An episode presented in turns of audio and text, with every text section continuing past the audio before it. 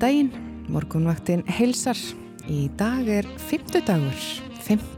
janúar. Og við setjum hér saman eins og þulur uh, gað til. Við setjum hérna Guðrún Haldunadóttir og Gíja Holmgjörnsdóttir. Góðan daginn. Við verðum með ykkur í dag og það er nú framöndan en við höldum svona þessu plani eins og vanalega og förum yfir veður aðtúanir eins og veðri var klukkan 6 í morgun. Það var nú bara daldi ljúft, fannst mér um 6 liti í morgun. Já. Kallt. Kallt, um, stilla. Já. Óbúslega rólegt veður allavega hér á höfuburgarsvæðinu þar sem við báðar eh, erum þessa stundina en við förum núna ringin en það var mínus 7 gráður klukkan 6 í morgun á, í Reykjavík og á Kvanneyri voru mínus 14 gráður og það var greinlega hægur vindur mesta kviða sem að meldist á Kvanneyri í morgun voru 5 metrar á sekundu Í Stekisholmi var mínus 4 gráður og þess maður geta að það eru bláar tölur núna um all land Á Patreksfyrði er frostið mínus þrjár gráður. Á Bólungavík eru mínus þrjár gráður sömur leiðis. Og gaman að geta þess að við munum ringja á eftir til Bólungavíkur. Þá heyrum við nú aðeins meira um hvernig veðrið er þar. Littla Ávík, þar er einnig mínus þrjár gráður en mínus sjö í Hólmavík. Og við færum okkur yfir á Norðurlandið á Blöndósi, þar er frostið mínus 11 gráður. Á söðanastvita er svona rétt undir frostmarki, mínus ein gráða. Og á Akureyri, þar er einnig stilla eins og greinilega viðast hver á landinu. Það er, var skíjað í morgun, klukkan 6 og mínus 3 gráður. Og mínus 2 gráður á Húsavík og rétt undir frostmarki á Rauvarhöfn, mínus 1 gráða þar. Og aðeins upp til fjalla þarna á norðausturlandinu. Á grímstöðum mæltist frostið mínus 5. Og hægur vindur. Mesta kviða 3 metrar á senkvöndu. Það er nú ekki mikið í mestu kviðum. Og mætti kannski ekki kvi, kalla kviðu. En við höldum áfram. Skjaldþingstaðir. Þar er einmitt rétt undir frostmarki, ein gráða. Á eilstæðaflugvelli var skíjað klukkan 6 í morgun og frostið mínus 2 gráður. Það er við frostmark á höfni Hortnaferði, sömulegist í Kvískerjum. Þar voru rauðartölur í gær, greinilega aðeins ja, kaldara í dag og það há nú að kólna í mitt en, en akkurat þetta uh, hittastig getur verið erfitt upp á, upp á holku. Svo er það kirkjubæja klaustur, þar voru mínus þrjár gráður sömulegis á Stórhauða í Vestmanniðum en örlíti kaldara í Árnesinu mínus sjö gráður. Og á Hálendinu á hverjafellum eru mínus 15 gráður, mínus 11 gráður í Sandbúðum og á Káranhjókum mínus sjö. Veiðivatnarhaun mínus 8. Það eru bláartölur um all land en hvernig já, eru veðurhorfurnar? Já, það verður austlag eða breytilega átt í dag, 5-13 metra á sekundu og það er kvassast á vestfjörðum og með suðu austuströndinni. En sömstaðat aldrei jél en þurft að kalla suðvestan til. En svo er von á samfeldri snjókomi austan og suðaustalands í kvöld og í nótt. Það verða jél norðan til á landin og morgun en þurft að kalla siðra og frostið viða 0-12 stig og það bætir í vind annað kvöld. En það ætti þannig að viðra kannski bara ágætlega ef að 13. brennur eru ekki mjög sent á morgun. Já, það eru öruglega við að 13. brennur. Það er, allir þær hafa verið haldnar mikið undarfarið í COVID sem sagt. Ég manna ekki, en örglega ekki þar sem áramótabrennurnar Nei. voru ekki þá Akkurat. hefur vendarlega verið ekki, eh, nei, ba- bara ekki bóði. Nei, einmitt. En það verður öruglega hlýtt eh, við bálið svona eins og á, á, á gamláskvöldum að sá fólk ilja sér við eldin í, í allavega svona e, í sjóasfréttum að hérna í þessum árumötabrennum og það verður öruglega líka á 13. brennunum. En það er líka lag hér framöndan hjá okkur sem heitir June in January. Hiti og kuldi einhvern veginn sem mætast líka þar í því lagi og það er Dean Martin sem að flytur.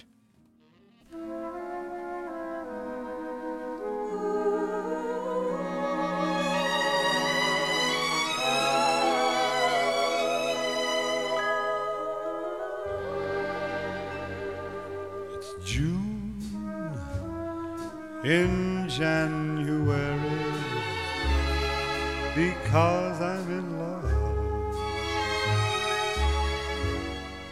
It always is spring in my heart with you in my arms. The snow is just white blossoms that fall from above. And here is the reason, my dear, your magical charm.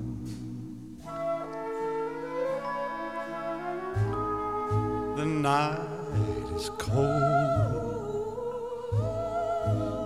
the trees are bare. But I can feel the scent of roses in the air.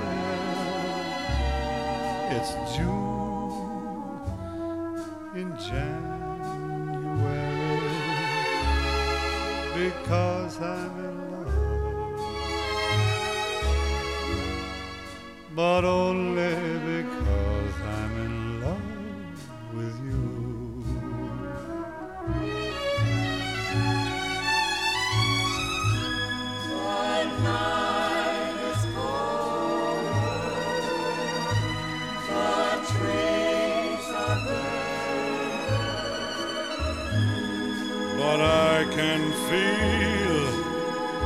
scent of roses in the air. It's June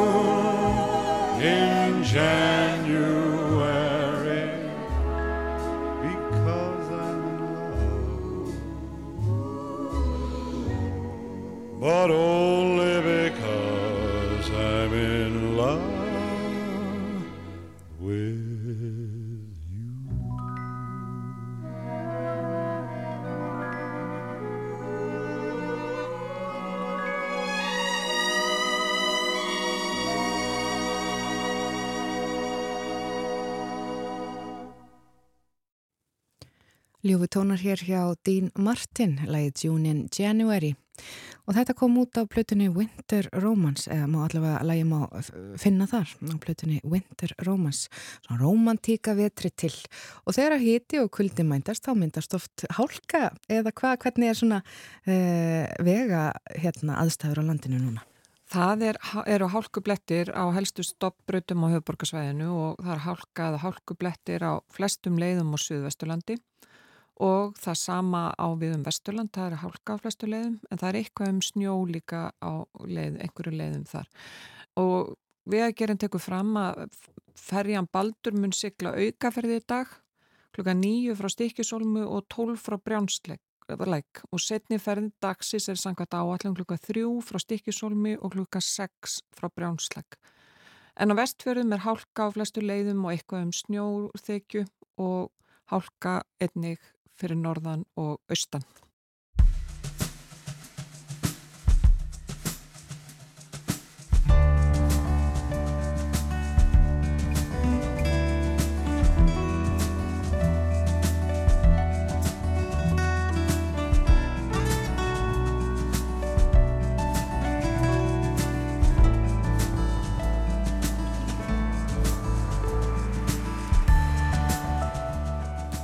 Morgunvaktin heilsar og býðu góðan dag.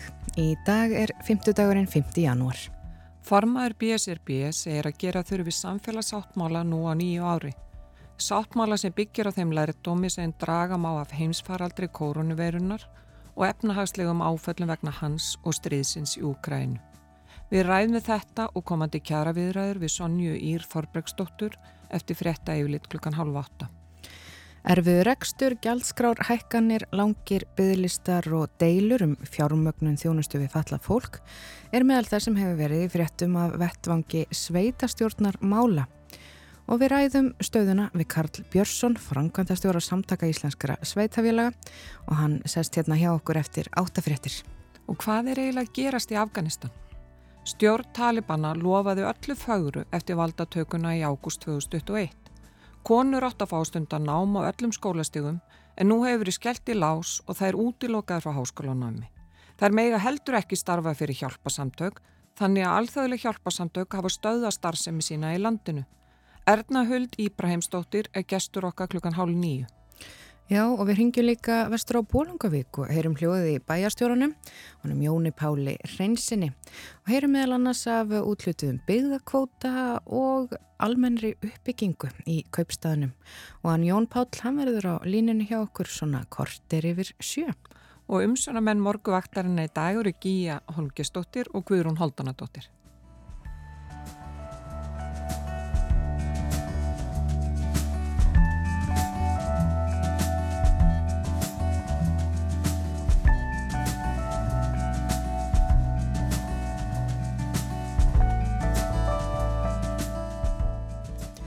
Og það er þetta með veðrið, alltaf gott að, að aðtuga uh, veðurhorfur og ég les hér úr hugleggingum veðurfræðings.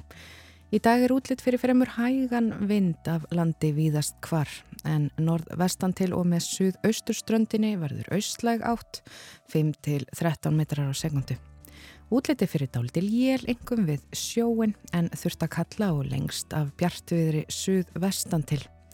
Setnipartin kemur úrkomi bakki að Austurlandi með snjókomu austan og söðaustanlands. Frost 0 til 12 stig og kaldast inn til landsins.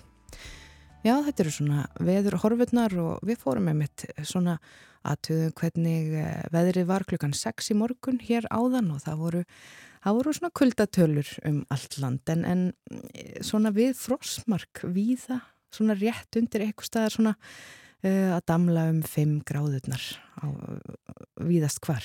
Og svo er, þarna fórum við líka yfir færðina og ég var svo upptökin að ég að segja frá færð á vegum að ég bara glemdi mér þannig að ég fór að talaði þarna ofan í mér þess að öllisingarnar en það er, að á Östurlandi þá er hálka og hálkublettir að snjóþekja víða á vegum og það eru vaskjemdir á sunnaverðum fárskrúsfyrði og á vattarnesvegi og vatn er á vegi á upphjörasvegi sunnan lagarfljóts.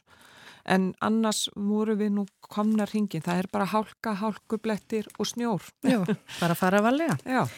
Um, Ég er hérna með morgumblæði fyrir fram að mig við lítum aðeins í eh, blöðin glukkum hérna í, í, í þessa já við fáum nú bara eitt blað sendt núna en getum nálgast hitt á, á vefnum. En hér á fórsíðu morgumblæðsins þá er uh, snjóbretta kappi að sína listir sínar í hlýðunum og þessi snjóbretta kappi hann heitir Haldur Helgason og er frá Akvarýri og hann síndi listir sínar á handriði hlýðunum í Reykjavík í gær. Og hér stendur að hann er stattur á landinu við tökur á snjóbretta mynd fyrir fyrirtækið Lobster sem hann og Eiríku bróðir hans eiga og reka. Og þetta fyrirtæki framleiðir bretti af ýmsum stærðum og gerðum sem hafa notið mikill að vinsalda meðan bretta fólk sem allan heim. Og þeir bræður hafa í gegnum tíðina keft á stórum brettamótum Erlendis, engum haldur, og komu Íslandi svo sannarlega á kortið í heimi brettana. Já, þessi bræður, þetta er auðvitað ótrúlega skemmtileg saga og fyrir norðan þá eru þeir e, já, bara svolítið bæjar hittir. Já, einmitt, það er líka óskaplega gaman að fylgjast með þeim. Sko. Virkilega skemmtilegt. En e, hér á fórsu morgunblæsins er einni fjallað um, e, já, svona íslenskun okkar. Sjómenn, þeir segja fiskara út í hött, þetta orð fiskara, veruleg óanægja er meðal sjómanna með þá breytingu sem finna má í nýjum lögum um áhafnir skipa að nú skuli þeir sem sækja sjó á fiskiskipum kallast fiskarar í stað þess að tala sér um fiskimenn. Orði útgerðamenn fellur einnig út samkvæmt eh, sömu lögum og hérðan í fráverður aðeins tala um útgerðir. Og uh, það er hérna rætt við Valmund Val, uh, Valmundsson, formann uh, sjómannsambands Íslands, sem að segir fiskari er orðskrýpi að mínum mati. Sjómanadagurinn til dæmis fær aldrei nafnið fiskaradagurinn, segir hann. E, já, sett sínins hverjum og, og, og, og sjómaður, fiskari. Ég var nú að lesa hérna, já svona útækt hjá hann um Eiriki sem er með málspjalli á Facebook og hann var nú að að segja að, að, að fiskari ætti sér nú alveg langa sög í tungumálun. Já, ég hef bara aldrei hert þetta fyrir en þetta kemur upp sem sagt núna. Nei, um, en áhugavert að fylgjast með hvort þetta orði fiskari nái einhverju fótfestu.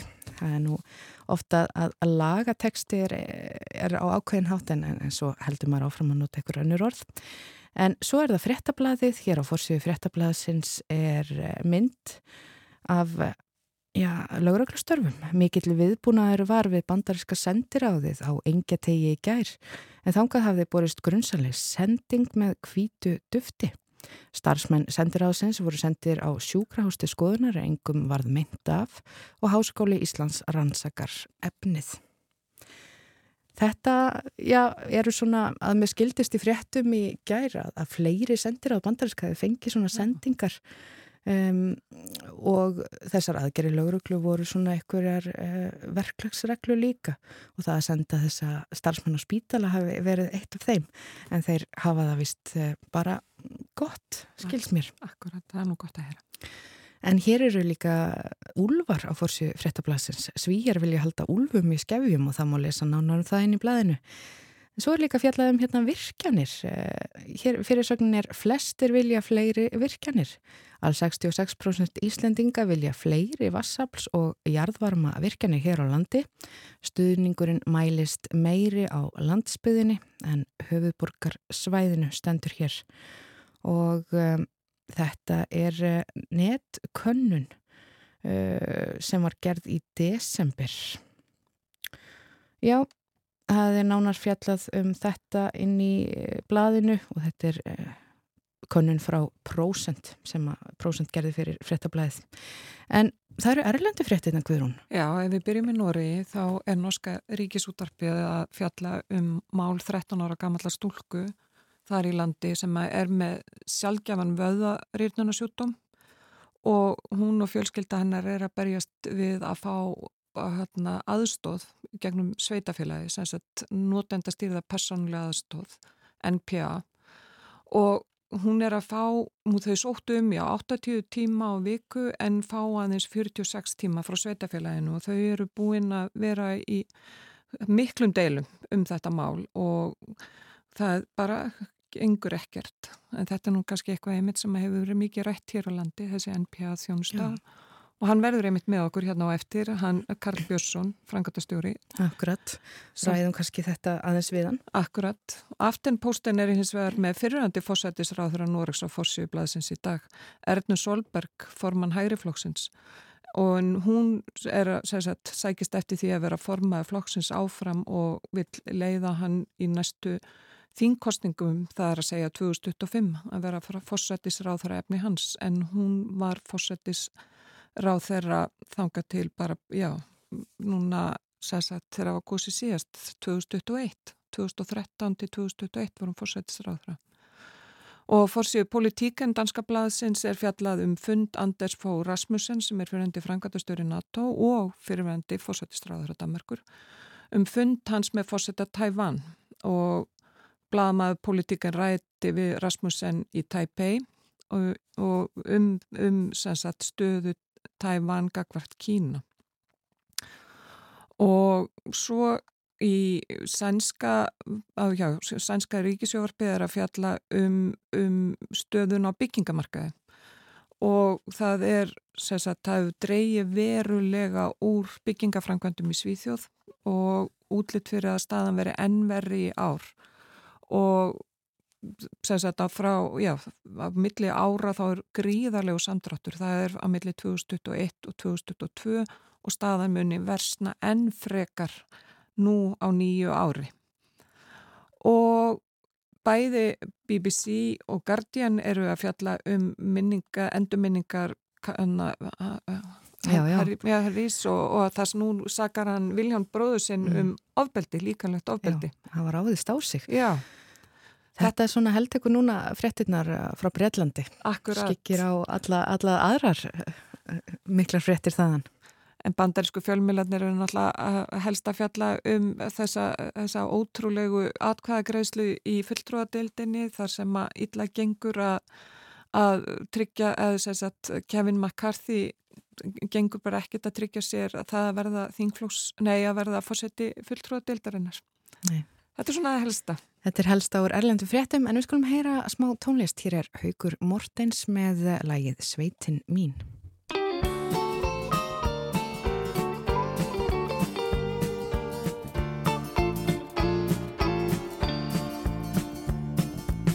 Sveitin milli sanda var minn æsku sló En ég reyka nú þarum í vegamó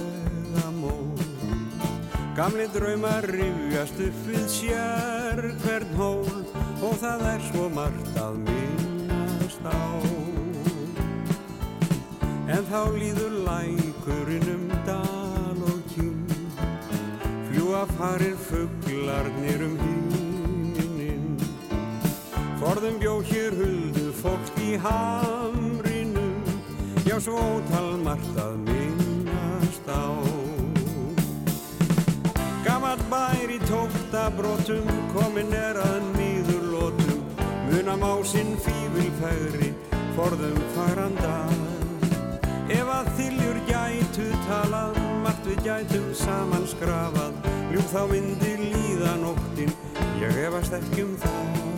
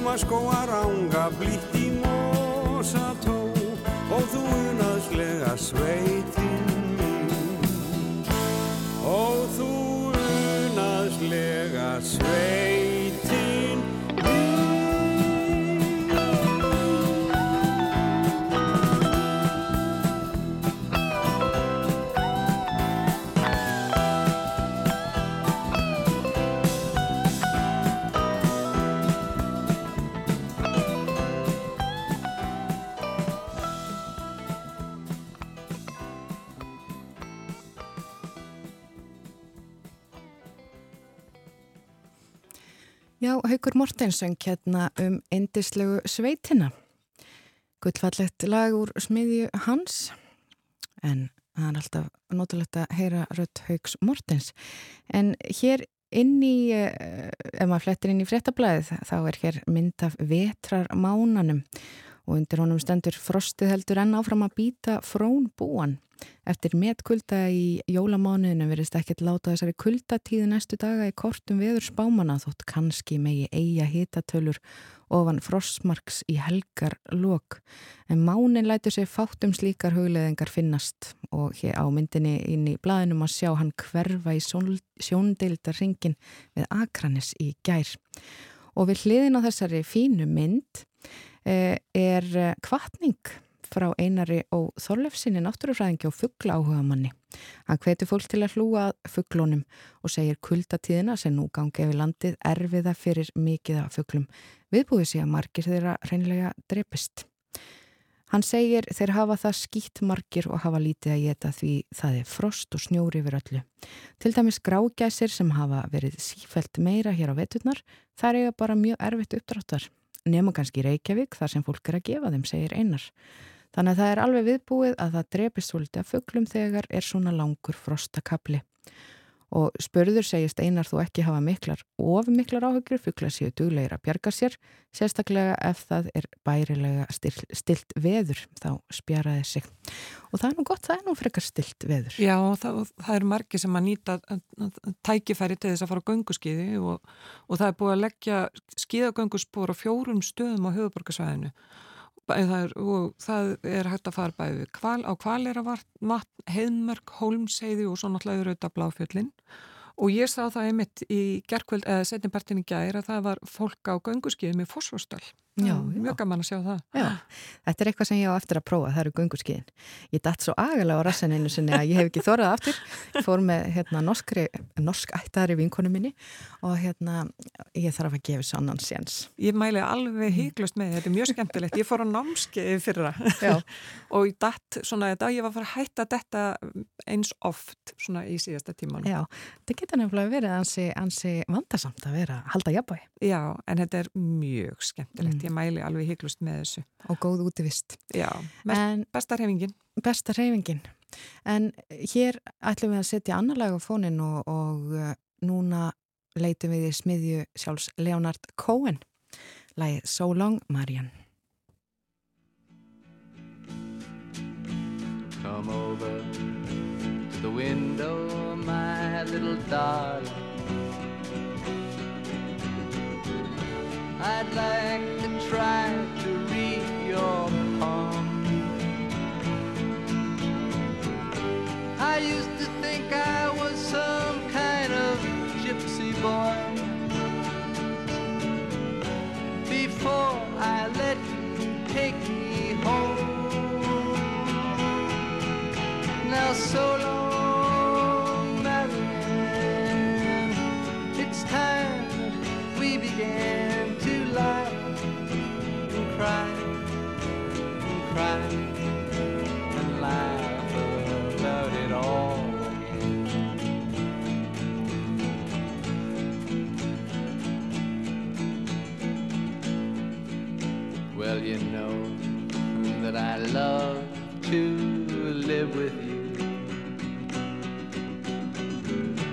You make me forget so very much.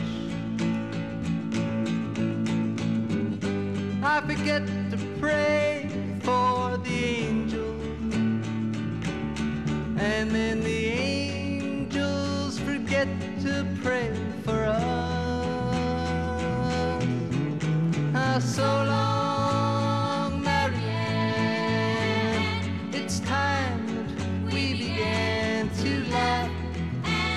cry and cry and laugh about it all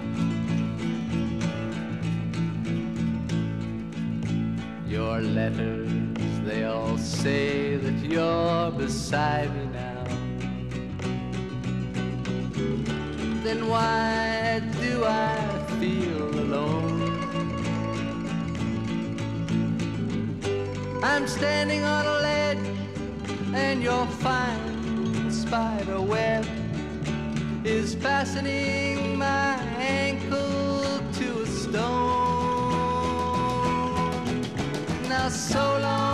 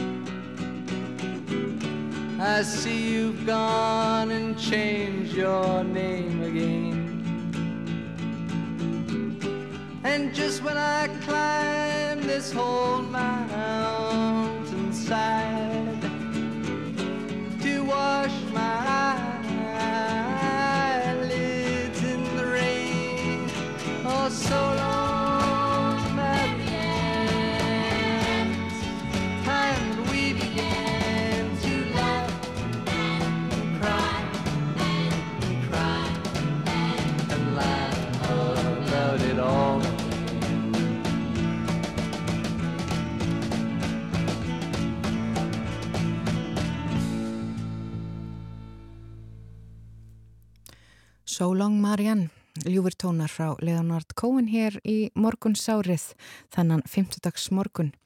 En Guðrun, þú ert með eh, fréttir frá Vatikaninu. Já, það er verið að jarða Benedikt 16. fyrirvændi Páfa í dag en hann lést á gamlastag 95 ára gamall og hann náttúrulega eh, hætti sem Páfi Mm. sem er nú eitthvað sem hefði ekki gerst í 600 ár en hann hætti sem Páfi 2013 afsalaði sér embettunum vegna veikinda og hann bjó samt sem áður í Páfagarði. Vatikaninu alveg til uh, dánar dags.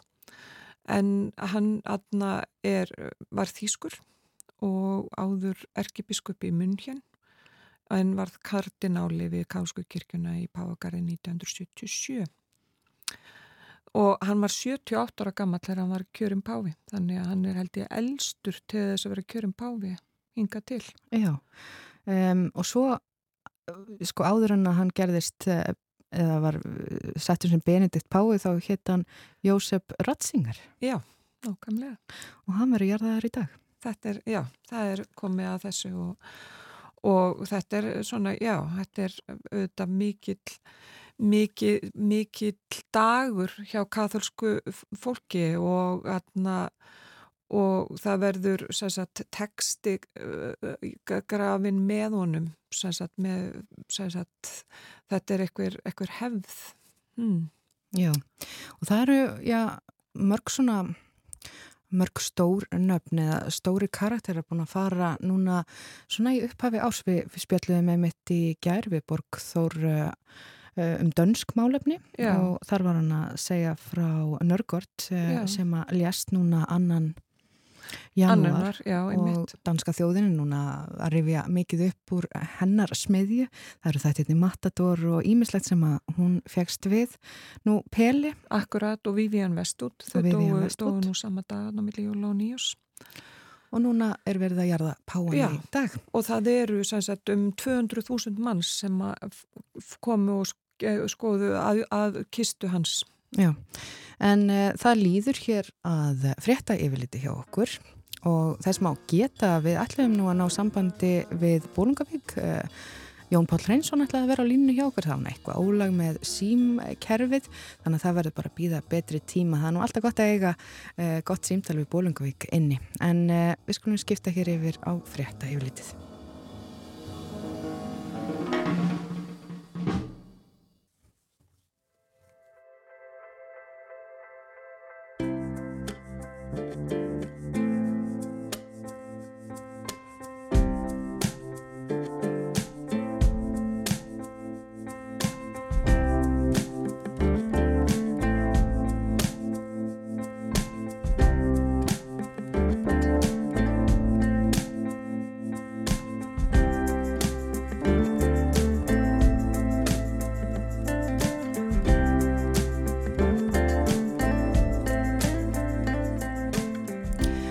Morguvaktin heldur áfram þennan 5. dag, 5. janúar. Við setjum hér saman Guðrun Haldunadóttir og Gíja Holmgistóttir og það sem er nú framöndan, það er uh, já, kjaramálin. Já, við ætlum að, fjalla um komandi kjara viðræður og náttúrulega bara kjara, eða bara búið að semja náttúrulega við stóran hluta en ekki við BSB. Þeir eru enn með aðna, já bara samningar, það er ekki hafnar kjara viðræður held ég þar. En hún er komin til okkar, hún Sonja Ír Þorbergsdóttir, formaði BSB. Velkomin. Takk fyrir. Það er, þið eru ekki byrjuð í viðræðum, er það? Nei, flesti kærasamlingar á ofnbjörnum vinnumarkaði renna sérst út í lókmass, þannig að við erum, það eru auðvitað hafið svona óformlegt samtal en, en það er kannski ekki orðið formlegt ennþá og, og þá mest eru við að ræða við ríkið og það verður fundur í dag þar sem við verðum með félögum okkar í BHM og KI líka. Og við höfum svona sett fram svona okkar nálgun og uppleggi að kæra viðraðanum og erum að vonast eftir sörum í dag. Og það sem við leggjum öll mjög ríka áherslu á er að verði farið, eða það verði kláruð þessi vinna e, sem við kallum jöfnun launamilli marka og er í, búin að vera í gangi raunverulega tvö kjærasamstíðanbill eða frá 2016 sem kom til vegna þess að vera jafna lífeyrsréttindi milli markaða sem að leti til hækkun og almennu vinnumarkaði en svona breyting á ofnbæru vinnumarkaði og þá fengum við þetta lofar frá stjórnvöldum um að það erðu jöfnu launir milli markaða af því að meðaltali mælis launamunum í kringum 16%. Það er svo mikið. Já, það er svo mikið. En það eru þetta mismund eftir starfstettum. Þetta er meðaltal. Þetta er fjölmarka stettir. Og hvernig er hljóðið í félagsfólki BSB? Sko það sem við þetta höfum talsverðar áhyggjur af núna er að það hafa ekki verið launahækkanir frá því bara síðastliði vor og, og þær komu svona aukala það var vegna hagagstaraukan sem að, hérna, kom nýrin í kjærasamlingum síðast eh, en venjulega launahækkun var bara í ársbyrjun Þannig að þetta er bísna langu tími í svona mikillir verbulgu og þurfum við sjáum að allt er að hækka í kringum okkur. Og þetta eru hópar sem eru svona, launadreifingin er mikil en það eru stórir hópar á lágum launum og meðaltekjum og það er svona telum við mjög brínt að við tryggjum í þetta skiptið að samningu þekki við af samningi.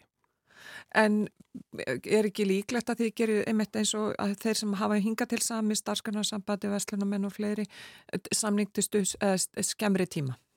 Það er umverulega ekki komið svo langt samtalið að við séum fann að leggja upp með hvernig við viljum sjá samningin.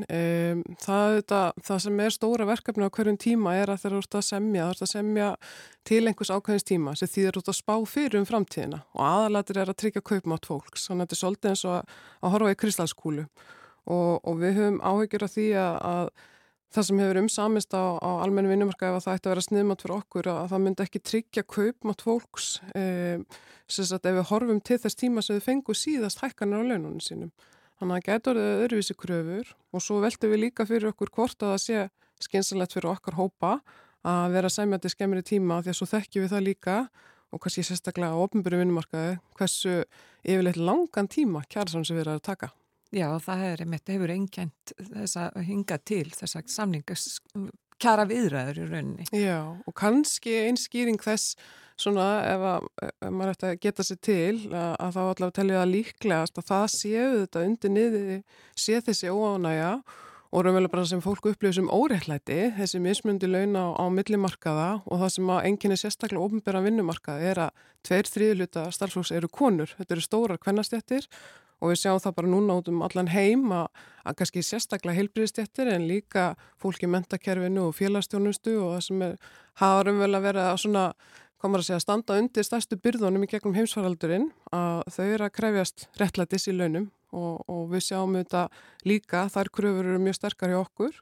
Við reyndar vorum svona komin smá í gang með vinnu hvað það varðar af því tengslum við síðustu kjærasamlinga aldafélag BSB. Þá lísti ríkistjórnið yfir að það er því farið í vinnu við að endum þetta verði kvennastjætta og núna er í gangi þróunaverkefnum um það. Það eru fjóra ríkistofnarnir sem að taka þátt í og hugsunni er að með því að fara svona í þróunaverkefnum í stopnunum er að við séum öll að kannski læra hvert af öðru og séum að reyna útbúa fræðslu og verkværi. Þetta er þá svona eitthvað svipa og var gert þegar að var farið fyrst í að stitta vinnuveikuna? Já, einmitt, þá fóru við tilrönaverkefni og það eru þetta í svona verkefnum að, að það eru margir sem spyrja svona hvernig er þetta gert? Og það eru þetta ein, engin einn allsærja lausni í þessu. Og það er svo mikilvægt að læra með stopnunum að því að svo sáum við og það sem var svo frábært með styrtingu vinnuvökunar var að þá runnum við kannski svolítið blind í sjóin, það voru ekki margar alþjóðlega rannsóknir, það var ekki svona mikið til skriflegt að upplýsingur um hvernig væri best að gera þetta. Og við lærðum það með stopnunum ríkisins og raunverulega þessi komar að segja svona beinagrindin að skrefa honum hvernig hún styrti vinnuvíkuna. Núna er hún í samræmi með allt það sem er að gerast annars þar í heiminum. Þetta er raunverulega svona sömu skrefin. Já, er, þetta er alþjóðleg þróun. Já. En svo hefur við verið að tala um svona samfélagssáttmála. Eh, segð okkur aðeins hvað, hvað þú átt við með því? Já, við séum núna svona í tilefni þessara tímamóta áramótana og þetta kannski ekki síst líka að við erum svona Já, maður segir kannski, við höfum farið að bakka með þetta í ljósi nýjastu frétta, þetta var að segja svona lok heimsvaraldis koronaviru, en svona, já, já þegar einhver stað þurfum fyrir svona að vinna okkur út úr þeim aðstæðum, að þá sjáum við þetta ájöfnur er að aukast, bæði í tekjum og eignum. Og við höfum þess vegna, þess að settum við fram þessa kröfum að á nýju ári myndum við gera nýjan samfélagsáttmála, þess að myndum við setja fólk í forgurinn. Og þá eru við að horfa til þess að við sem að læra af reynslinni sem að heimsvaraldurinn raunverulega hefur kent okkur en sumulegði stríðið í Úkrænu og það var svo áhugavert að við vorum sérst á þingi alþjóðasambandsverkalýsfélag e, núna árinu. Og þar eru raunverulega öll verkalýsfélagum allan heim að saminast um þessa kröfu. Og raukstiða það þannig að, að hérna raunverulega alþjóðlega efnaðastefna hafi brúðist vinnandi fólki. Já, og, og þessi hugmynd um hagvöxt, uh, hvernig hann nýtist og, og, og það er fleira sem ætti að taka inn í öfnuna. Já, af því að þú veist, það er einmitt verið að horfa svo mikið á það að það sé mikil hagvöxtur og þá er spurningin sko, er það aðladriðið og, og líka auðvitað um að svona horfið til þess þeirra sem að vera að þróa svona þessi mælitæki eins og varandi landsframleyslu að það var aldrei hugsun að þetta veri eina mælitækið. Það var alltaf svona lagt fram líka að veri mikilvægt að vera mæ, að mæla velferð og velmögun og einfalda bara hvernig fólki líður og við teljum að, að það hafi ekki alveg tekist sem skildi. Og þú talar einmitt um í, að, að setja heilsuna í forganga. Já, svona í kjölfar heimsvaraldus að þá þetta þegar við lögðum allt undir til þess að verja okkur og, við gáttum breytt ímsu bara á einni nóttu, við gáttum lært nýjar aðferðir og hérna að þá hljóti það að vera aðalatriðið og það eru þetta mjög mikil umræð um heilbyrjastjónustun og BSB hefur sömulegis líka verið að vekja aðtiklega á mikilvægi þess að hún sé fyrst og fremst regina hennu ofinbera til þess að tryggja jamt aðgengi að henni En, en svo er líka sem er komið svo stert í ljós og voru svona vísbendingar um uh, fyrir heimsvaraldurinn en núna sjáum við það að uh, sagt, ónæg félagsvend, eða þar að segja að fólk ná ekki endum saman, uh, e, hafi ekki örugt þakki yfir höfuð og svo framvegs, að þetta leiðir til vanhelsu. Þar að segja að þetta eigur líkur á þunglindi og eigur líkur á að, hérna, að fólk þurfa að leita eftir geðheilbyrjastjónustu og við höfum áhyggjur af þessari þróun og, og varða rannsóknastofnu vinnumarkarinn sem er í eigu BSIB og ASI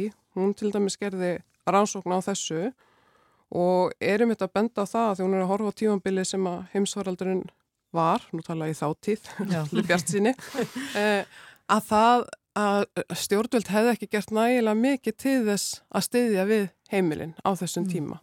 Og það varu þetta mjög mikil áhersla á að halda atvinnlífinu gangandi, e, sérst, halda atvinnleysi í skefjum og svo framvegs. En það sem við vorum alltaf að benda að það voru mjög sterkar vísbendingar um að þetta hefði mjög neikvæð áhrif á andlega líðan og sömuleiðis auðvitað líka starfsfólki sem var í framlýninu og, og var undir hvað mestu álæginu. Mm -hmm. Þú skrifaði líka ja, pistil um, um svona ja, vinnutíma og mikilvægi þess að, að kannski maður líti á frí með öðrum augum heldur en kannski um, mörgum íslendingum með taft það er svona vinnan í digðin um, og þú vísaði meiri segja í þetta dæmi frá hagstofinni Já, kveikjana sagt, þessum skrifum var umræðan sem að, hérna, kom til varðandi lókun hagstofuna millir jól og nýjás og við vitum öll og við köllum þetta oft svona atvinnureikanda jól þegar hátíðarna lenda um helgi. Og við vitum öll líka að fylgir því oft mikil vinna að vera undirbúa hátíðarnar og mér fannst svo áhugavert á sama tíma þá var sérst, Adam Grant sem er mjög þekktur vinnusálfræðingur og hann er selt marga bækur, mittsöluhöndur, með TED Talk og svo framvegs að hann hefur eh, bæði núna og á síðast ári verið að vekja aðtikli á svona eh, raungum hugmyndum okkar um frí. Og það sem hann er að benda á er að, að, að slæmirstjórnendur þeir líta á, á frítöku sem skort á helgun þar sé og sérst ekki bara e, já, svona sérst ekki að sína starfinu nægilega mikla hérna, skuldbindingu góði stjórnendur sérst leiði fríin en frábæri stjórnendur hveti til þess. Og hann bendi líka á að sko hátíðarnar er til þess að halda upp á. Og við búum allt og oft við vinnumenningu þar sem að fólk vinnur mjög mikið og álægið hefur áhrif á helsuna þannig að þegar að fólk loksins kemst segja, frá störfum að þá er það einfallega bara til þess að ná sér. Og þá auðvitað ekki að vera þannig, þú veist fríða að vera til þess að njóta. Eða einmitt eins og þessu til ekki að halda upp á hátíðarnar. En svo talar við, hefur talað um líka þetta með styttingu vinnuvikunar. Nú er það komið á en það þarf kannski að festa það frekar í sessi og er það þannig að fólk er, er, er þetta virka? Er fólk að fá styttri vinnuviku? Sko, krafan okkar í kjæra samningsverðanum síðustu var Þetta var mismundi millir dagvinnu og vaktavinnu. Það er að í vaktavinnu að segðu við og við vissum það út frá reynslu annar landa að væri hægt að stitta vinnuvikunni í dagvinnu án það sem myndi leða til aukinskostnaðar. Og niðurstan eftir útætti sínir að það er svo. Hins vegar var farið í, í það í kjærasansviðram, þetta var svona ákveði bíl, e, þetta hangir á því að þessi farið í umbúta samtal.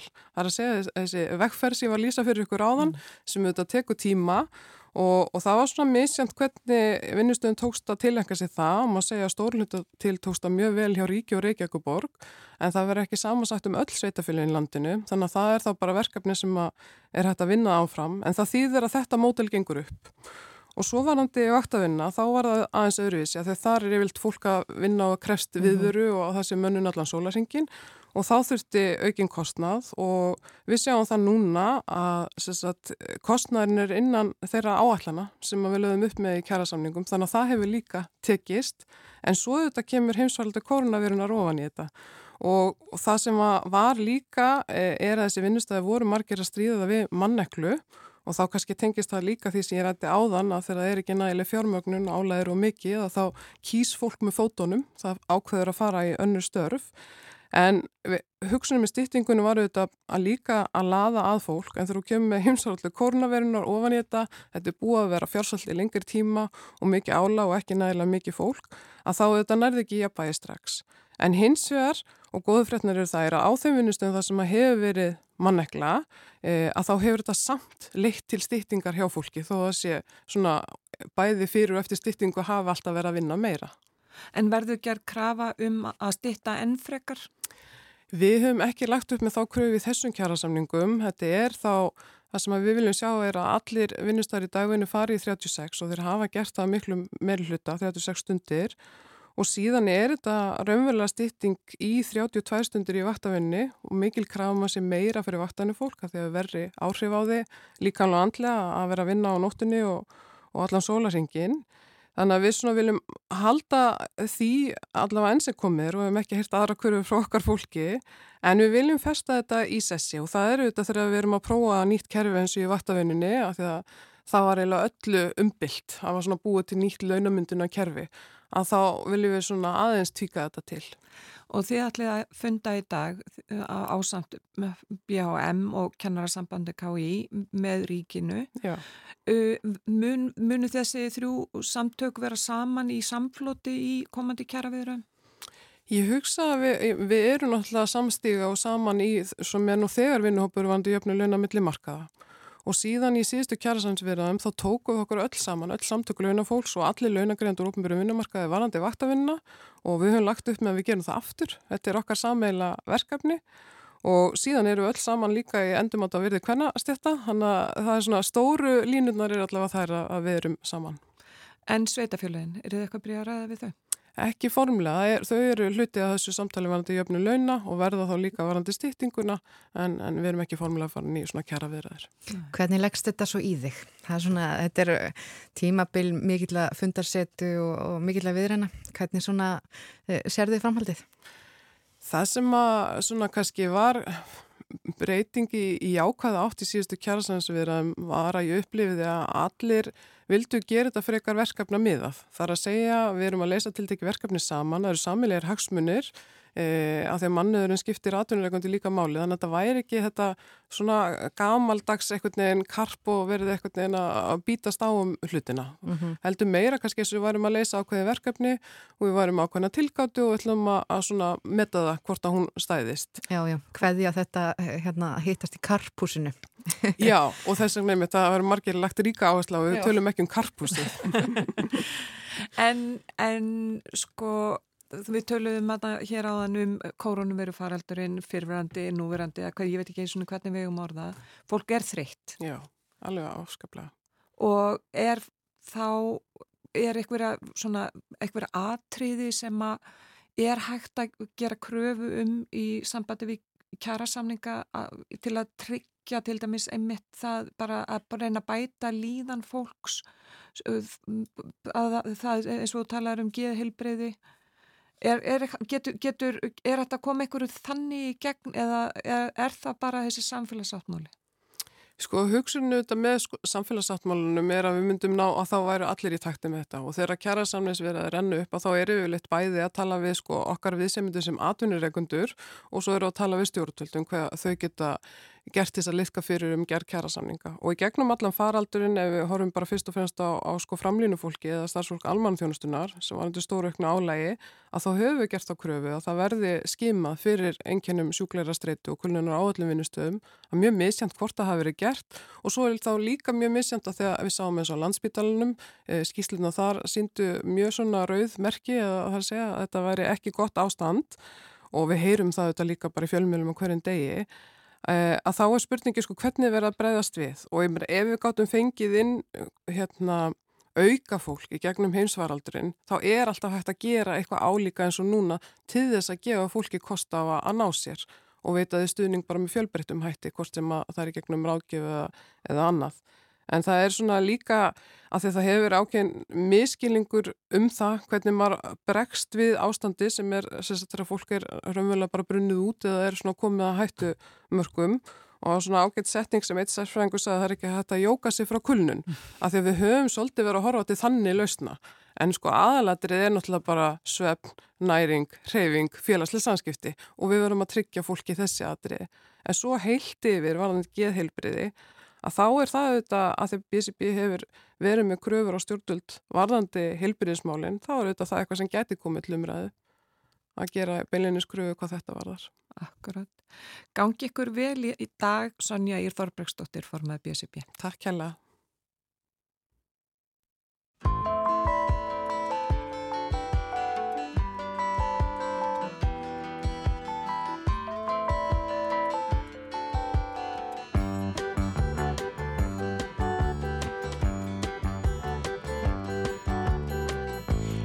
Fan des 60s, petite baby doll.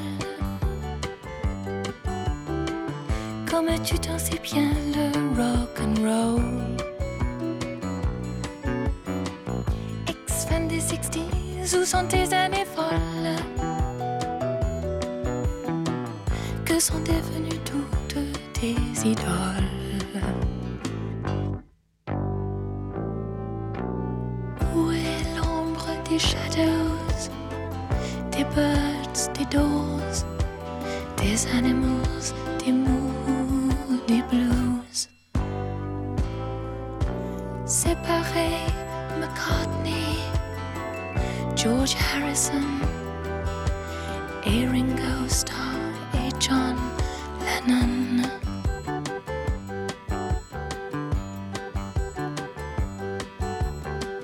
Ex-fan des 60s, petite baby doll. Comme tu dansais bien le rock and roll. Ex-fan des 60s, où sont tes années folles? Que sont devenues toutes tes idoles?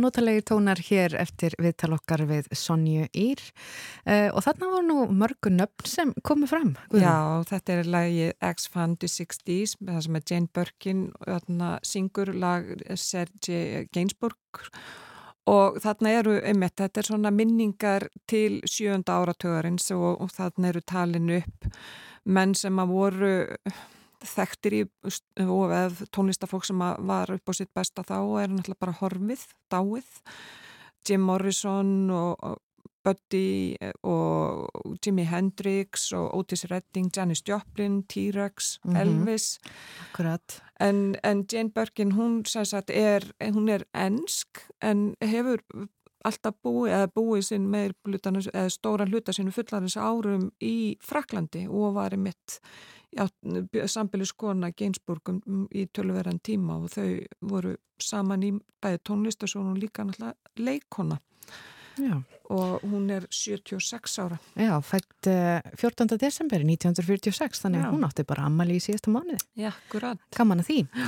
En það er uh, ágætist já, hugmynda aðeins að hérna, kíkja á hugleðinga veðurfræðings aftur núna þegar að veðrið uh, já, er svona ráðandi þáttur á svo mörgum vikstöðum en það er nú frekar, uh, það er útitt fyrir fremur hægan vind uh, af landi viðast hvar en norðvestan til og með suðuströndinni verður austlag átt 5-13 metrar á sekundu útliti fyrir dálitil jél, engum við sjóin en þurft að kalla og lengst af bjartviðri suðvestan til. Setnipartin kemur úrkomu bakki uh, að Östurlandi með snjókomu, austan og suðaustanlands, frost 0 til 12 stig og kaldast inn til landsins. Já og það verður frekkar kvast um helgina, það verður kvassast á vestfjörðum og með söðustu ströndinni á lögadag og, og vestfjörðum á sunnudag. Og það er snjókoma og slitta og það hlínar heldur betur. Og ef við kíkjum á ferðina þá eru, svona hefur lítið breysiðan í morgun, það er hálka eða hálkublettir á svo til öllum leiðum. Og Austurlandi er þæfingur í Breiðdal og það eru vasskemdir á sunnaverðum fáskúrsfyrði og á vattarnisvegi og vatn er á vegi upp hér að vegi á upp hér að svegi sunnan lagarflúts Já. þannig að þetta er já, það er þokkaleg færð en það þarf samt að fara varlega Já, já. það er alltaf best að, að fara varlega og, og við lendum nú sko fjölskyldar í því að lenda í skabli um daginn og, og hérna það kom aður hoppandi út úr bílsínum og, og með skoblu þá hugsaði ég, oh, það er svo sniðist að hafa skoblu í skottinu. Það er bara eiginlega nöðsilegt. en það er nóg framöndan hérna á morgunvaktinni við ætlum næst að tala með hann Karl Björnsson, framkvæmdar stjóra samtaka íslenskar sveitafélaga. Hann ætlar að setja styrna hjá okkur og tala aðeins um stöðuna sveitastjóðnum málum. Við ætlum svona fókus á málefni fallaðs fólks og líka leikskólana og grunnskólana. Þetta er nú svona tveir stærstu útgjaldaliði sveitafélagana. Svo ætlum við að fá til okkar hana Ernu Huld Íbræmsdóttur um, og forundastum hvað er nú svona já, gerast í Afganistan? En það líður að fréttum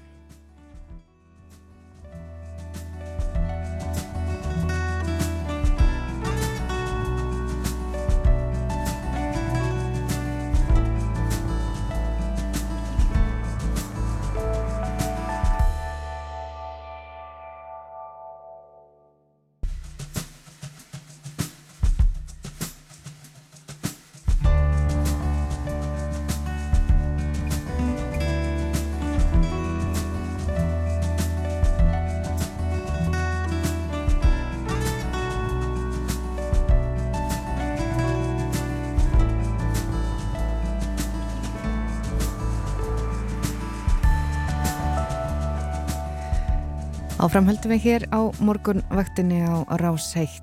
Gíja Holmgjastóttir og Guðrún Holdanadóttir setja hér fyrir framann hljóðnumann. Eh, við ætlum hér í lok þáttar að ræða ástandið í Afganistan og stöðu Kvenna þar og nú áðan þá var hjá okkur og er farin út í daginn hún Sonja Ír Þorbergsdóttir formaður BSRB og við ætlum að halda okkur á svona já, tengdum slóðum en fara þó út í svona ymsa uh, ánga, næstur það sveitastjórnamálin og hingað er mættur Karl Björnsson frangatastjóri samtaka sveitarfélaga. Kondi Sæl Sælar. Jæja, það eru kæramálin Já, hún var hérna hjá okkur áðan, hún Sonja Ír Þorbergsdóttir formaði BSB og var einmitt að fara á fund í dag með fulltrúum ríkisins á samt BAM og kennarasambandinu. Hvernig líst þér á kjara viðræður? Ákveðlega, en maður er ekki alltaf bjartstýtni upp að það er til þá annað kemur í ljós. E, samband Íslenskar Sveitafélag eins og heitir, það er með umbóð. Já, sagði ég eitthvað allt annað. Já, alltaf. hérna er með fullnaður umbóð allra Sveitafélag til samlinga við kennara og svo allra nema Reykjavíkuborg allir samninga við ASI fjölu, BSB og BHM fjölu. Þannig að þetta er alveg gríðalega stór hópur sem að sambandi semur við, mörg fjölu og samningarnir renn út á þessu ára og misöfnum tímum og undirbúningur kjaraðinan er hafinn og raunur fyrstu samtöl hafa farið fram og, og eins og ég segja, bara um að gera að vera bjart sýt svona í upphafi og, og vonandi bara ná að lenda þessu á skinsamann hátt öllu undlagsbóta. Akkurat, hún talaði með um, hún Sonja Íra þeirra samningar að aðila, aðildafélaga BCB myndur enna út flestir í lok mars og þannig að og hún var bara bjarsinn og vongóðum að þetta myndi takast eppel svona að ná samningum á réttum tíma. Já, það er nú gott að heyra. Það er bæði bjarsinn. Það er ágætt bjarsinn í loft, loftinu. En uh, já, þið hjá samtökum íslenskra sveitafélagi er ekki alveg að fara með þetta Nei, samband íslenskra sveitafélagi. Ég það nú eitthvað að drekka held í meira kaffi eða eitthvað. Allavegana, það er uh, samband íslenskra sveitafélaga. Uh, þið hafið, já, það er þessi stóri málaflokkur um þjónustu við fallafólk. Og þetta hefur nú verið svolítið forgangsverkefni að ná þarna að leysa hnút á milli ríkis og sveitafélaga. Hvernig er staðan á þessu málaflokki? Já, kannski ágætt að rifja aðeins upp byrjununa sko, að í kringum árið 2000 þá hóst samlinga við ræður um e, það að sveitafélagin tæki yfir þjónustu við falla fólk og þá gerur sveitafélagin kröfum að innan þryggja ára færi fram endumat á kostnaðanum og tekju tilflutningi vegna þess. E, Ríkisordin þá var ekki tilbúin að samþekja endumat, þannig að þetta fjell og var ekki að verulega. Svo voru afturtegnar upp viðræður svona tíu ára setna og það náðist samkomulag um að sveitafélagin tæki við þjónustöðu falla fólk með ákveðinni fjármagnun árið 2011 og var, þar var einn endur skonar ákvæði og síðan um 2015 þá fór fram þetta endumat og, og náttúrulega að byrja á því fyrr og það kom ákveðnar tekju leðritingar inn til sveitafélina og, þetta gekk ágætlega. Síðan var e, svona 2018 voru, var lögum breytt og það var svona aukin réttindi þegar fölluði til að fá þjónustu og síðan hefur þá kostnæru vaksið mun hraðar heldur en tekjurnar og bara eins og staðin er núna þá eru sveitafélag að fá vegna þessa málaflokks 24 miljardar en útgjöldin eru tæp 39 miljardar. Þannig að hallin á árinu 2021 var um 14,2 miljardar og svo ef við skoðum aðeins heildina bara frá 2018 þegar fóra hallunda fæti og ef við gefum okkur að, að hallin 2022 og 2023 verði svo sami á 2021 þá erum við að tala um uppsafnaðan halla frá 2018 til ásloka 2023 60 miljardar sem er aldrei stór tala. Nú það var ákveðið að, að breyta núna aðeins fjármörgunni þannig að útsvarar hækka 0,22% gegn samsvarandi lækon tekjuskass og með því fluttust 5 miljardar eða eiga flytjast 5 miljardar á þessu ári inn í þennan málflokk til sveitafélag. Og ef við skoðum sammyggi hlutana þá er þetta í raun og veru 8% af uppsöfnum alla. Það er ekki mikið. Þannig að það er ekki mikið og sveitafélagin er í raun og veru ennþá á skeftir að fá sterkari fjármagnun og einhver tekið tilflutning áfram og, og varanlegan til þess að standundir þessari þjónustu. E, þetta er þjónusta sem er veitt samkvæmt lögum og hefur ofinbæra ríkjur sveitafélag þau skipta með sér verkunum að veita þjónustu. En þau verða líka skipta með sér sangjarnir fjármagnun vegna þeirra þjónustu. Og ég er ekkit að sjá að ef að ríki hefði hérna þessa ábyrð að ríki var að reyka þetta eitthvað öðru sig vegna þess að við erum engungu að reyka þetta á grundvelli laga ákvaða og til dæmis þeirra verið að meta þörfina fyrir umönnun og aðstóð við fallafólk að þá er það gert í ákveðni ríkistofnun sem heitir Ráðgjafar og greiningastöð og þar er svo kallar sísmat sem fer fram mm -hmm. og þeir sem eru metnir í sísmat 5 þeir þurfa, eru metnir að þeir þurfi meirinn 60 klukkustundar þjónust á mánuði og þessi hópur hefur stækkað úr 900 árið 2011 í 1500 núna. Þetta er 70% fjölgun þeirra sem þjónustur og njóta og eru taldir þurfa svona miklu umhannun. Af hvað, hvað skýrir það? það er, það er mjög erfitt að skýra nákvæmlega en lögin frá 2018 þau eru svona sterkari réttinda lög akkvart þeim sem þurfa að njóta þjónustu og, og síðan eru náttúrulega aukinn gæði og bara bætt þjónusta sem ég trúi ekki að ríkið hefði viljað sleppa þannig að ég er að kalla eftir því að menn horfa á þetta sem með sameinleiri ábyrð ríki og sveitaflög og, og sangjarni fjármagnun af skatteikjum En eins og það kom fram hérna í máli unnar Helgu Ótastóttur forman þróskahjálpar í gæður að það væri mismunand eftir sveitafélögum. Hvernig, hvernig þjónustu þau er að bjóða? Er, er það eitthvað inn á ykkar borði? Já, það er eflaust eitthvað mismunandi en auðvitað reyna allir að uppfylla lagaskildu sínar í þessu og gera vel. E, mörg minni sveitafélög vinna að þessu samíla í ákveðinu svona þjónustu svæðum og þegar eh, þessi þjónustu var flutt á milli ríkissveitafla þá var talað um að, að það er að vera lámarki 8.000 manna þjónustu svæði og, og það, það ætti að vera sko næla stór svæði til að veita góða og jafna þjónustu þannig að það er í raun og verið ekkert kannski lítið vann fjármagnar sveitafélag sem að uh, þarf að segja sko ég get ekki, við getum ekki sínt þessari þjónustu að þau verðum svo lítil, þau eru aðilað starra þjónustu svæði og ég held að meðaltalið sé nú allir að reyna að standa sig vel og gera þetta eh, hennar mjög vel og eru stolt af því, það má ekki gleyma því að við hljótum að vera stolt af því að veita goða þjónustu mm -hmm. og auka gæðinar Já, þetta var nú svona bitbein í síðustu sveiturstjórnukostningum eh, þessi málflokkur og við að rættum hann. Eh, svo er þessi þetta samkómalag komið, það gengið hefur verið frá því á milli eh, sambands Íslenska sveitafélaga og þryggja ráðunæta um þessa sérstöku viðbútar fjármögnun.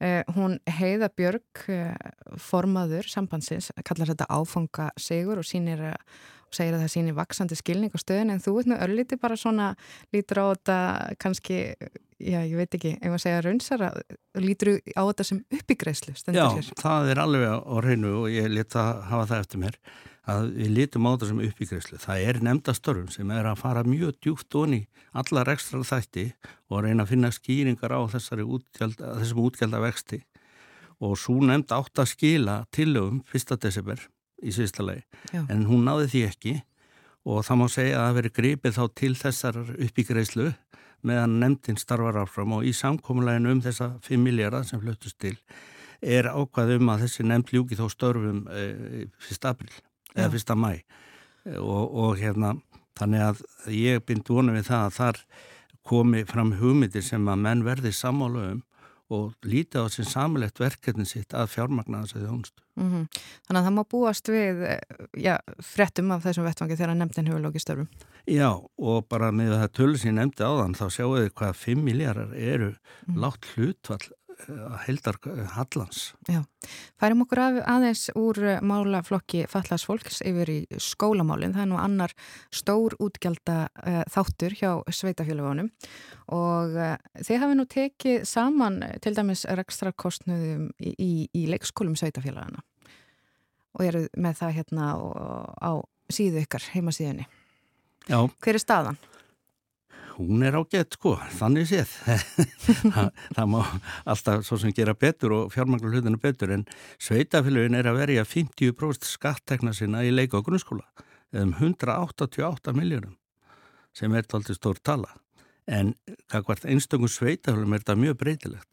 E, sum lítil og fámenn sveitafélagum með mjög fá börn eru kannski að verja 10% sínum tekjum í þetta meðan önnur lítil sveitafélag með mörg börn er að verja allt upp í 90% að tekja sínum í þetta. 90%? Þannig að já, það er, já. og allar þessar upplýsingar er á vefsíðu sambandsins og ég hvet alla til að skoða hana, það er alveg ógreinu upplýsingar um rekstur sveitafélag. Já. Og síðan er mismöðandi kostnaður en að meðaltali kostar grunnskóla nefndin 2,3 miljónir ári meðan leikskóla, helstaskildi í leikskóla kostar 3,3 og hefur, þróun hefur verið svo að sveitafélagin hafa alltaf verið að, að minka e, þjónustu gjöldin gagvart leikskólunum. Þau voru kannski þriðjungur fyrir svona 15 árum eða 20 en eru komið niður undir 10% og þetta skiptir alveg verulegu máli fyrir fjölskyldur að, þurfa ekki að borga meira í leikskóla og þetta eru taldir sko, leikskólar í Íslandi eru taldir ódýrasti fyrir fjölskyldur bara þó við að vera leitað sko. Og þannig að við höfum verið stolt af því. En þetta kalla náttúrulega að það þarf að verja skattekjum þá til að fjármagna þetta peint en, en, og þjónustugjöldum verður svo lítið hluti En það má ekki glema því heldur að í hagvesti eins og hefur verið á Íslandi og, og þjóðabúskapnum undan hann ára týjir svona meðaltalið nokkuð góður hagvestur, það eigur ástöðun að tekjur sveitafélaga og kaupmátt tekna sveitafélaga eins og hjá launþegum. Og það þýðir að, að sveitafélagin hafa e, val um hvernig þau ætla að rástafa þessum aukna kaupmætti sínum og þau hafa gert það mjög mikið í, og varið í til skóla, leikskóla og grunnskóla en það eru grunnskóla allmest í dag á allt öðru stíi heldur en voru þegar voru fluttir frá ríki til Sveitafélag 1996. Mm -hmm. Þú ert nú búin að starfa á vettvangi sveitarstjórnar mála lengi, þú varst eh, sveitarstjóri í Árborg. Hvaða ár aftur? 90 Njá, sko. Nei, nú er ég að ruggla aftur. Ég byrjaði mjög snemma í brasan.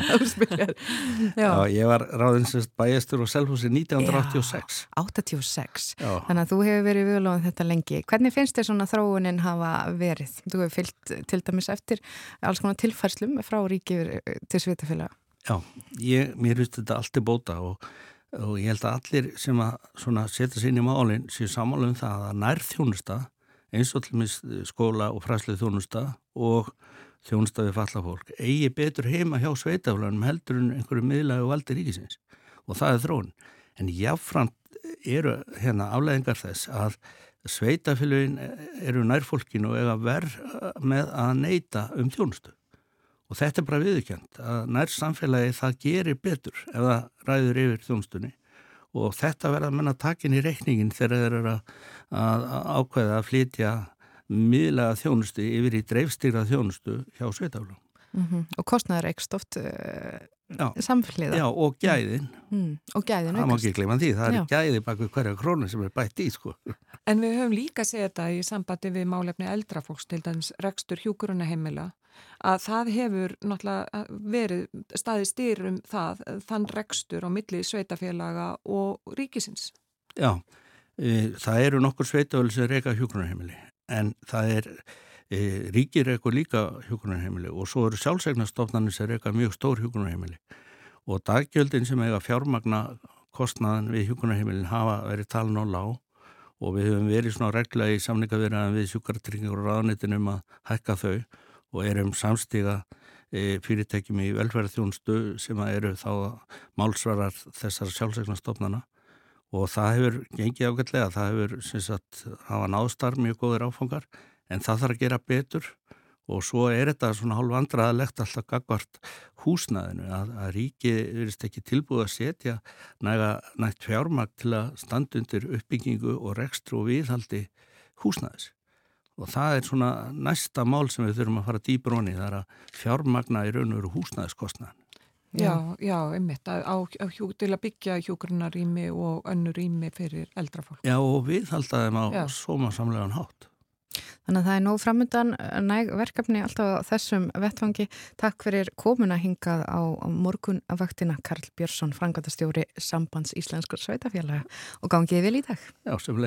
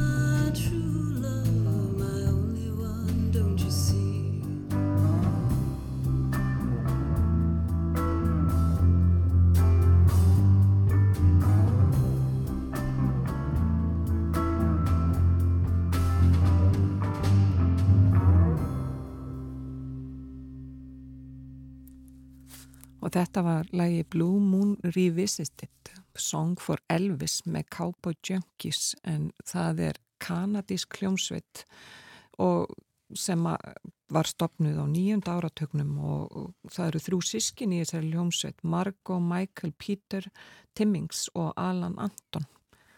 Já, og er þetta lag fyrir Elvis Presley þá eða? Já, ég gerir ráð fyrir því. Mm. Þetta er náttúrulega... Óður já, til Elvis? Það er hlítur að vera. Það eru auðvitað margir sem hafa viljað hérna, gera óð til Elvis, sérstaklega svona, já þegar hann kom með sínar frægu mjöðmarhefingar og, og, og, og hristi aldeilis upp í, upp í öllu. Já, og hann er mitt, uh, eh, það steytist í ammalistag hans, hann fættist 8. janúar 1935. Hann lést náttúrulega 16. ágúst 1977. Já, fættur svona í byrjun ás, 8. Já, janúar. Já. Það, við höfum að til því og spila svolítið af Elvis á ammalistag. Akkurat. En það líður hér að frétta yfirleiti og eh, eftir það þá ætlum við að ræða stöðuna í Afganistan. Já, Erna Huld, Erna Hrund Íbrahimsdóttir, tólkur, hún kemur hérna til okkar eftir frétta yfirleit núna klukkan halv nýju. Já.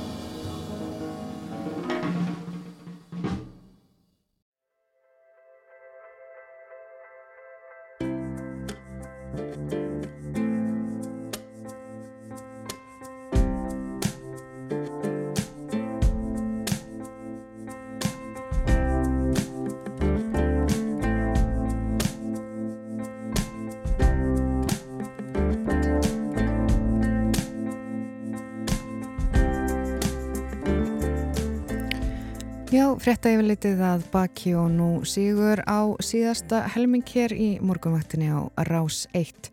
Við höfum farið aðeins í sveitarstjórnarmálin, einnig sem við rættum hér við formann BSRB og uh, það er nú, svo verður hér, já, Afganistan og, og, og málefni þar, næsta dagskrá. Já, við ætlum að ræða um stöðu sérstaklega Kvenna í Afganistan. Hún er komin hinga til okkar, hún er Erna Huld Íbrahimsdóttir, tólkur. Velkomin. Takk fyrir sér. Uh, mér langaði svo að ræða við þig um stöðuna í Afganistan í dag. Núna, sagt, hvað hefur gerst síðan talibanar tóku völdin á, í ágúst 2021? Er, hvernig er staðan í dag? Um, Tvö miður, uh, við, svona, afghansfólk er ekki í góðu stöðu í dag og sérstaklega þegar það tengs með svona stöðu hvenna. Við erum í verri stað og af því hér, uh, hérna stelpunar og konur eru að banna að menda sér sem er um, mjög erfitt af því ég veit það mjög vel hvað áhrif átt uh, það átt inn í lífinu minni, af því inn í fjölskyldinu minni. Ég var fyrst um, frá pappa minn kynsluð sem við fórum í skólan og mynda okkar og læði og það breytist lífið okkar mjög mikið. Og, og það eru núna banna öll frá konur að vinna og það mynda sér og það þýðir við, og við getum ekki hreyfa svona fara á melli stöðum líka og þetta svona í rauninni við erum bara, konur bara hverfið svona frá afgans samfélagin Já, það er rauninni búið að útiloka konur, þær eru ekki ferðarfrelsi, þær með ekki vinna, þær með ekki menta sig, Nei. þær eru bara lokaður inn á heimilunum.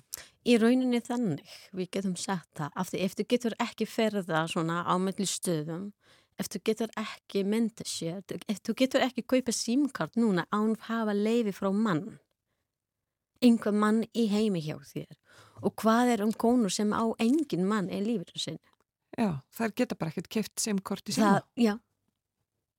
Þetta er, þetta er Þetta er mjög alvarlegt og við erum að sjá að talibannar eru í rauninni stjórnvöld eru að svíkja það sem þau lofuðu í fríða viðræðanum í Dóha. Uh, fyrst og fremst, ég, ég vil ekki kalla þeim eh, hérna svona, já, það er svona Málið er þetta svona samtalin á milli samíðinu þjóð, þjóðarni Já. og bara Taliban, Já. ekki Afgansk, hérna, Afganistan í þjóðir. Mm.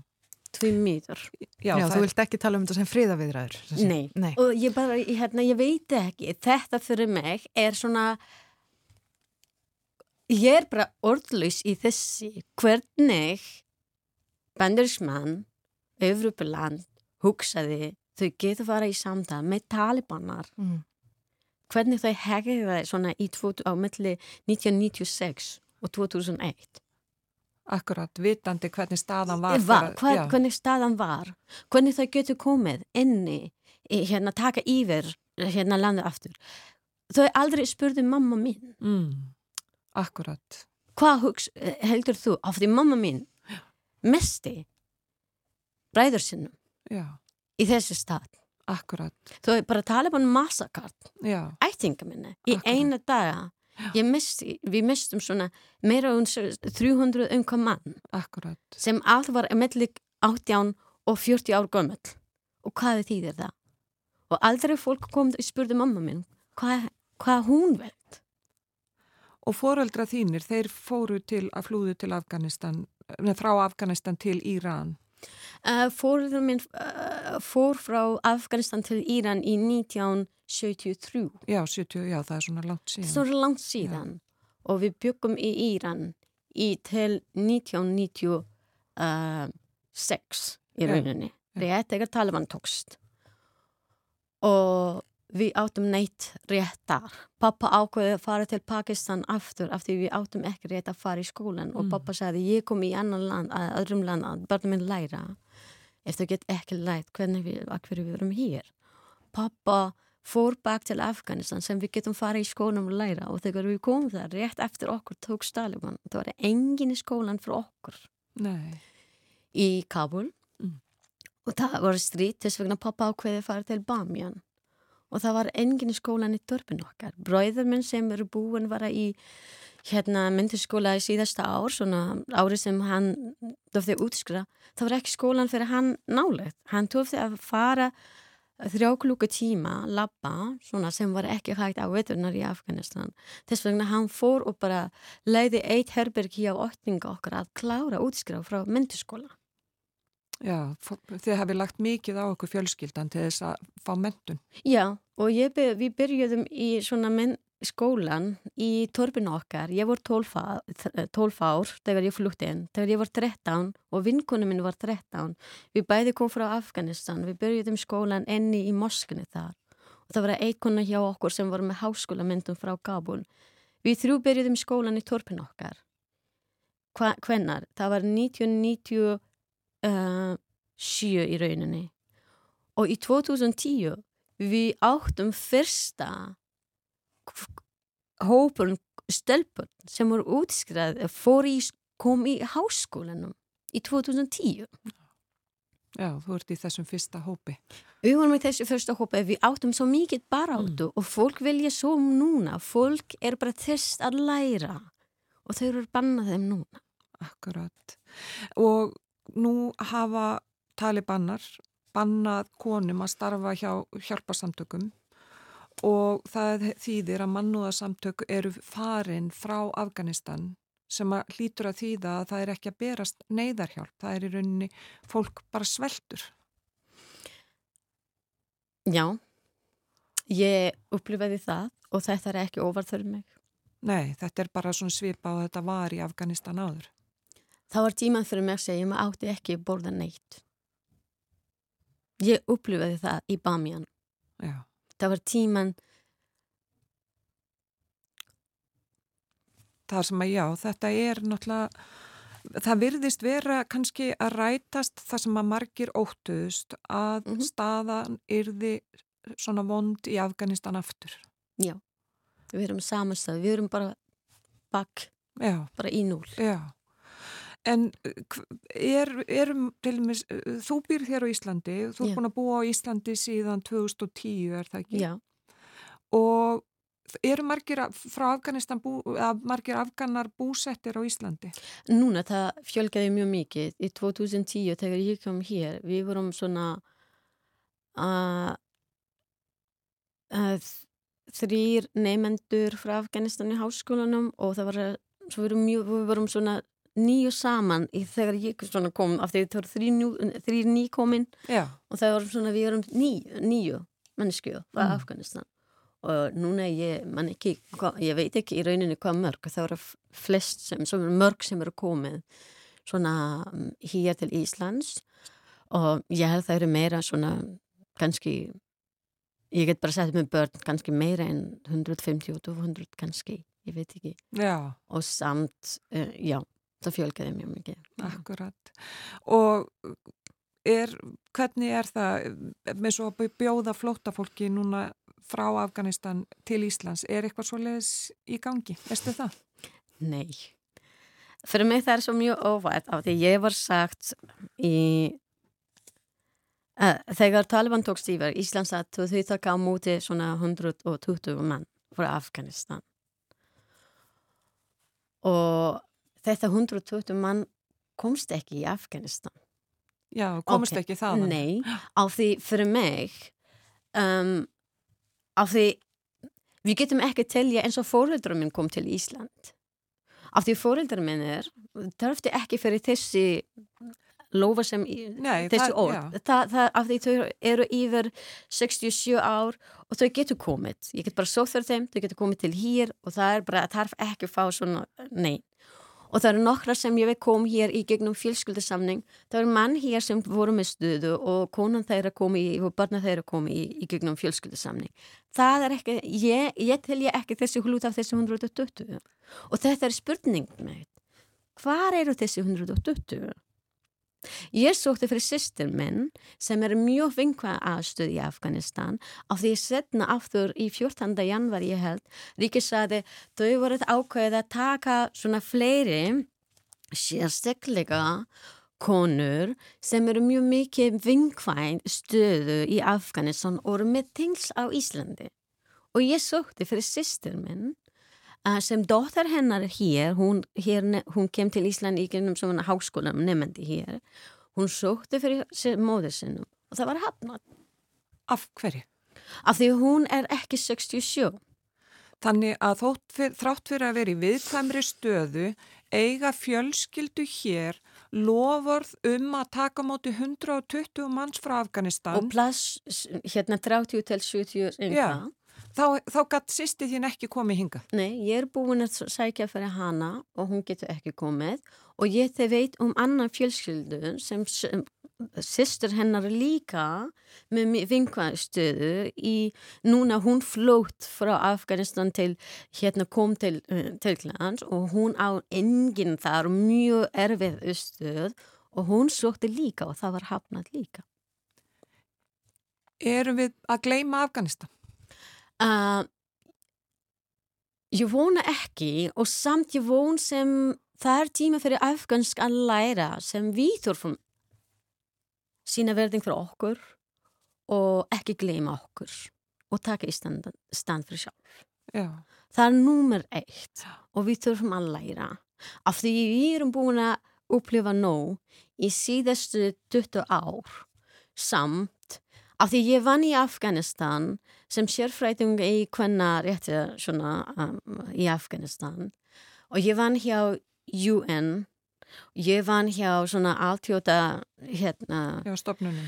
stopnun í Afganistan og hvað ég upplifaði ég átti ekki ráð fyrir hvað ég velja að gera fyrir þessi land þau verður alltaf koma frá topp já. Fyrir mig. Já. við þurfum fara að vinna í þessu máli í dag og þess vegna við erum í þessu stöð.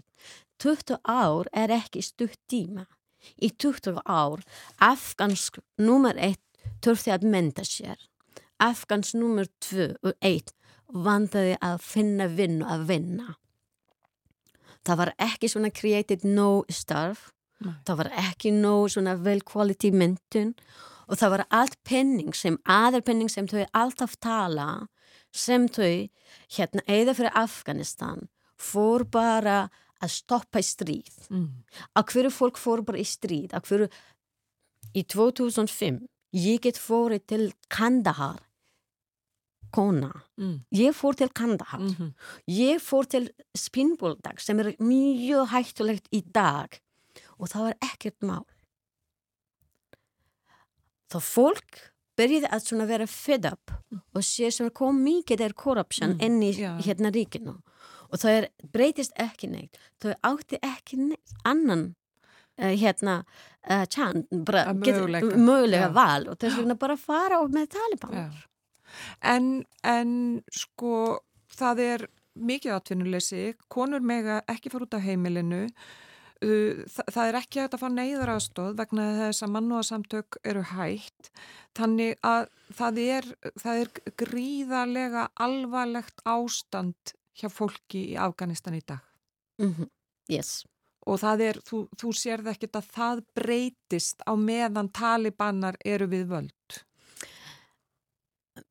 Það verður svona áfram. Núna, af því að við erum tala, að tala um talibanar, talibanar er ekki bara eitt organized, vel skipulegt hóp, nei. Það er svona mismun á milli þeim og við veitum um það. Mm. Til dæmis, það er, við, af því við erum með svona triangle í Mhm. Afganistan núna, Já. við, er svona, við erum með uh, Supreme eða Já, líður sem- svona sem er uh, Amir al-Mominin sem þau fara í Kandahar Mhm. stöðu og við erum með Haqqani og það er annan svona Mhm. í, í þessi til dæmis Haqqani, þau eru bara í skipti á milli þeim líka Já. það er sem er það var svona vandamál við áttum í þessi síðastu 20 ár Akkurat. af því að sameginu þjóður sérstaklega bandaríksmann vildi alltaf svona skipulega land ok, þetta percentage af pa- pastun þá verður hann í svona, Mm. svona Alltaf er hvernig komur þeir hér og það kæra akkurat. og hinn verður svona, það var skipilað þannig það var ekki svona við segjum um, og það er saman núna málið á talibanar Já, það ég held ekki hvernig þau getur bara held áfram Nei. Nei, og málið er það tanga til, talibanar er komið einhvað samræmi saman þau getur ekki svona það er mjög mögulegt að annars stríð byrja í Afganistan. Það er mjög líklegt. Og líka talibanar segja við tókst, við erum það svona yfirvöld í Afganistan, nei, það er ekki sagt. Nei. ég bjöð í taliban ta tíma. Mm. taliban var að banna í skólan og ég var að kenna Mm. stilburnan inn í þörpinu minni það Já. átti ekki ráð. Ég fekk borgað eins og kennari á þessum tíma þegar taliban tókst yfir Afganistan. Og það get gerst í dag líka. Af því Afganistan er skipti á milli eh, hérna hverfið svona herat. Það eru Hazara tjóðurni það eru mjög vel vilja menta sér Tajik vilja menta sér og hérna Kábul fólk vilja menta sér það er bara að finna leið að menta sér. Akkurat. og hvað er mikilvæg fyrir að hérna samin alltjóða að baka þessi fólk að s- styðja þeim í dag Já. það er meira mikilvægt og ekki segja þeim hvað þau vilja þessi fólk að vinna láta afgansk fólk vilja sjálf hvað þau vilja gera Akkurat. Erna Huld Íbraheimsdóttir, takk kærlega fyrir komuna til okkar á morguvaktina. Takk fyrir að hafa mig ekki hér Og við ætlum að hlýða hérna á lag. Já, þetta er lag með Abba sem að eh, heitir Chiquitita. Já, og þetta er lag sem að Abba gaf út fyrir um, 43 árum síðan. Þetta er li, li, litla stúlka þýðir þetta og þeirra að, hljónsveitin, hún hefur aldrei þegin eina peninga fyrir þetta lag. Alla þennan tíma hafa peningarnir, þeir gáfu höfundaréttan á sín tíma og lög, eða, þetta hefur runni allt í UNICEF og en nýtti stuðnis til dæmis mentunar stúlkna. Já, og það er akkurat það sem kom fram hér í spjalli okkar, það er mentunin og mikilvægi mentunar. En við skulum hlýða á þetta lag Chiquitita. Chiquitita,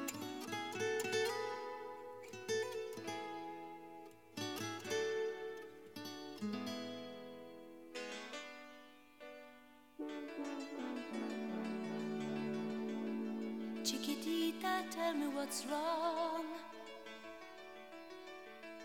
You're enchained by your own sorrow.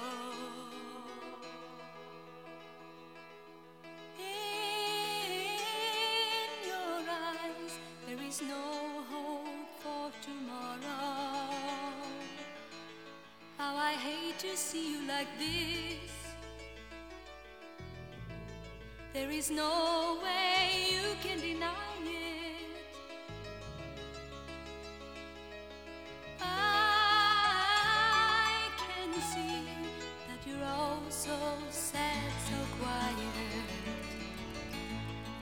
Chiquitita, tell me the truth. I'm a shoulder you can cry on. You're